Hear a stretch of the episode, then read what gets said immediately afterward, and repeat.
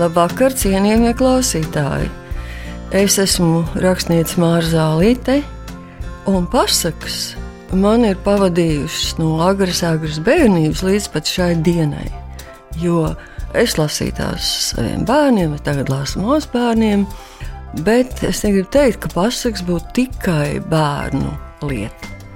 Pasakas ir ļoti gudras, un arī pieaugušiem tā ir tās palasīt un varbūt arī paklausīties.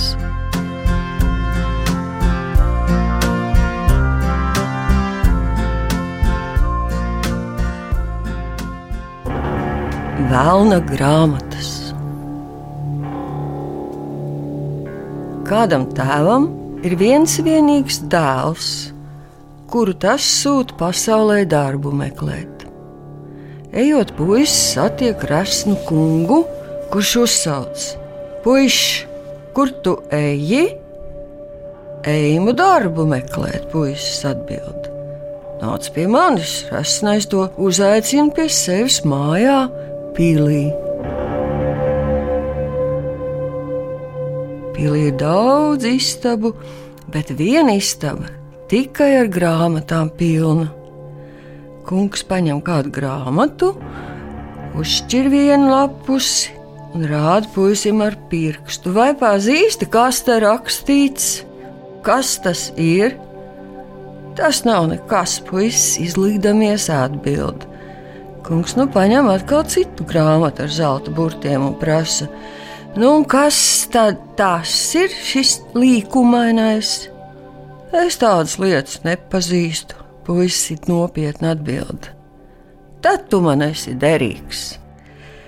Cik tad no lonas gribēsi par gadu?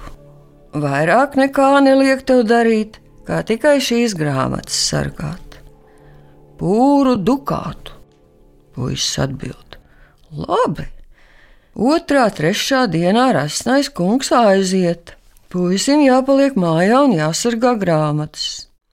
Puisis izšķirst vienu grāmatu, otru, kamēr atrod tādu, kur pamācīts kādā vīzē iespējams pārvērsties par ko tik vien grib. Viņš sāk mēģināties, un jā, izdodas. Bet nu nabadzīņam atkal bail, ka kungs nevilšs neuznāk virsū. Te par laimi kādā citā plauktā atkal grāmata, kur pamācīts, kā var pārvērsties atpakaļ par to, kas esi bijis. Gada laikā nu puisis izmācās visu, kas te grāmatās vien mācīts. Un pēc gada kungs aizmaksā pūru dukātu, un puisis pāriet pie tēva vilpodams. Bet vēlna nauda ātri vien izšķīst, šā tā, kā bez svētības. Tad nu naudai nobeidzoties, tēvam un dēlam nav ko ēst un vecais sūta dēlu, lai sapelna citu naudu. Un dēls atbild, ko niekus vairs pa pasauli blandīties. Tomēr pasaulē būdams daudz ko iemācījos un raudzīšu tepat mājā maizi pelnīt.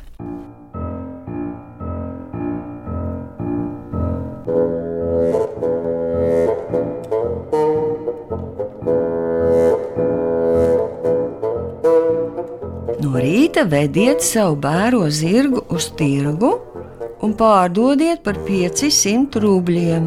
Tikai no dieva puses iemauktus nepārdodiet, lai cik solīdami. Tās no rīta ieiet stāvī un atrod sev bēro tik smudru un traknu, ka 500 rubļi nerunas. Viņš pabrīnās un aizved to uz tirgu. Tur gadās kāds rasns kungs, kurš tūlīt par bēro 500 rubļus nomaksā, un otrs 500 par iemauktiem dod, bet tos tēvs ne par kādu naudu nepārdod. Otrā rītā tās ieiet stāvī un atrod atkal citu un vēl skaistāku zirgu bērajā vietā. Viņš pabrīnās un vēd ir to pārdot. Te rastais kungs atkal klāt un nosola tūkstošu rubļu par zirgu un divu tūkstošu par iemauktiem. Nu, jāpārdod. tēvs ir priecīgs pārnāk, lai pastāstītu par saviem trīs tūkstošu rubļiem dēlam, bet dēla vairs nav. Nu, vecajam gan iešaujas prātā teiktais par iemauktiem. Tomēr kas par vēlu, tas par vēlu. Rasnais kungs savu dārgo zirgu ar dārgajiem iemauktiem jāj uz mājām un tik zolē ar dzelzs pātagu, lai āda atlec. Šeit tev tas nav nekas. Šeit tev es tādas lietas nepazīstu. Kāpēc toreiz neteici, ka māki lasīt šeit tev? Zirgs tādu mizošanu ilgi nevarēdams izturēt, paliek par balodi. Bet kā zirgs par balodi, tā rasnais kungs par vanagu. Tā nu vanags ar balodi dzenājas līdz kādai ķēniņa pilī, kur jauna princese pie atvērta loga sēdēdama par balodi apžēlojās un pie sevis ielaiž. Vanags paliek ārpusē. Nu, balodis saka uz princes, paldies tev par paglābšanu, bet es nu palikšos par grēdzēnu uz tava pirksta. Un ja kāds resns kungs nākt un gribētu to grēdzēnu pirkt, tad pārdodi par miljonu rubļiem un pavēli to naudu turpat kaktā nobērt. Skaitītu to naudu neskaiti, bet paņem tūlīt nazi un uzcērti uz naudas čupas trīs krustus. Un, kad viss tas padarīts, tad nedodi no dieva puses gradzenu rasnajām rokās, bet svien to taisni zemē.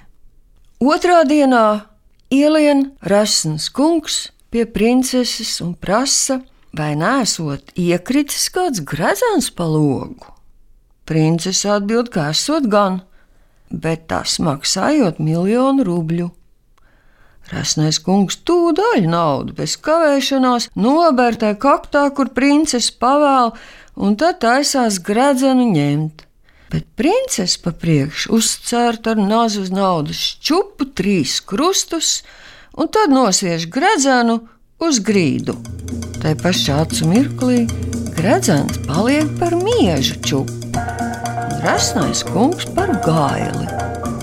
Gailis kampieniem vien ēd miežus, bet līdz ko mieža čūpa pie beigām, tad čūpa paliek par lapsu un nokož gailim kaklu.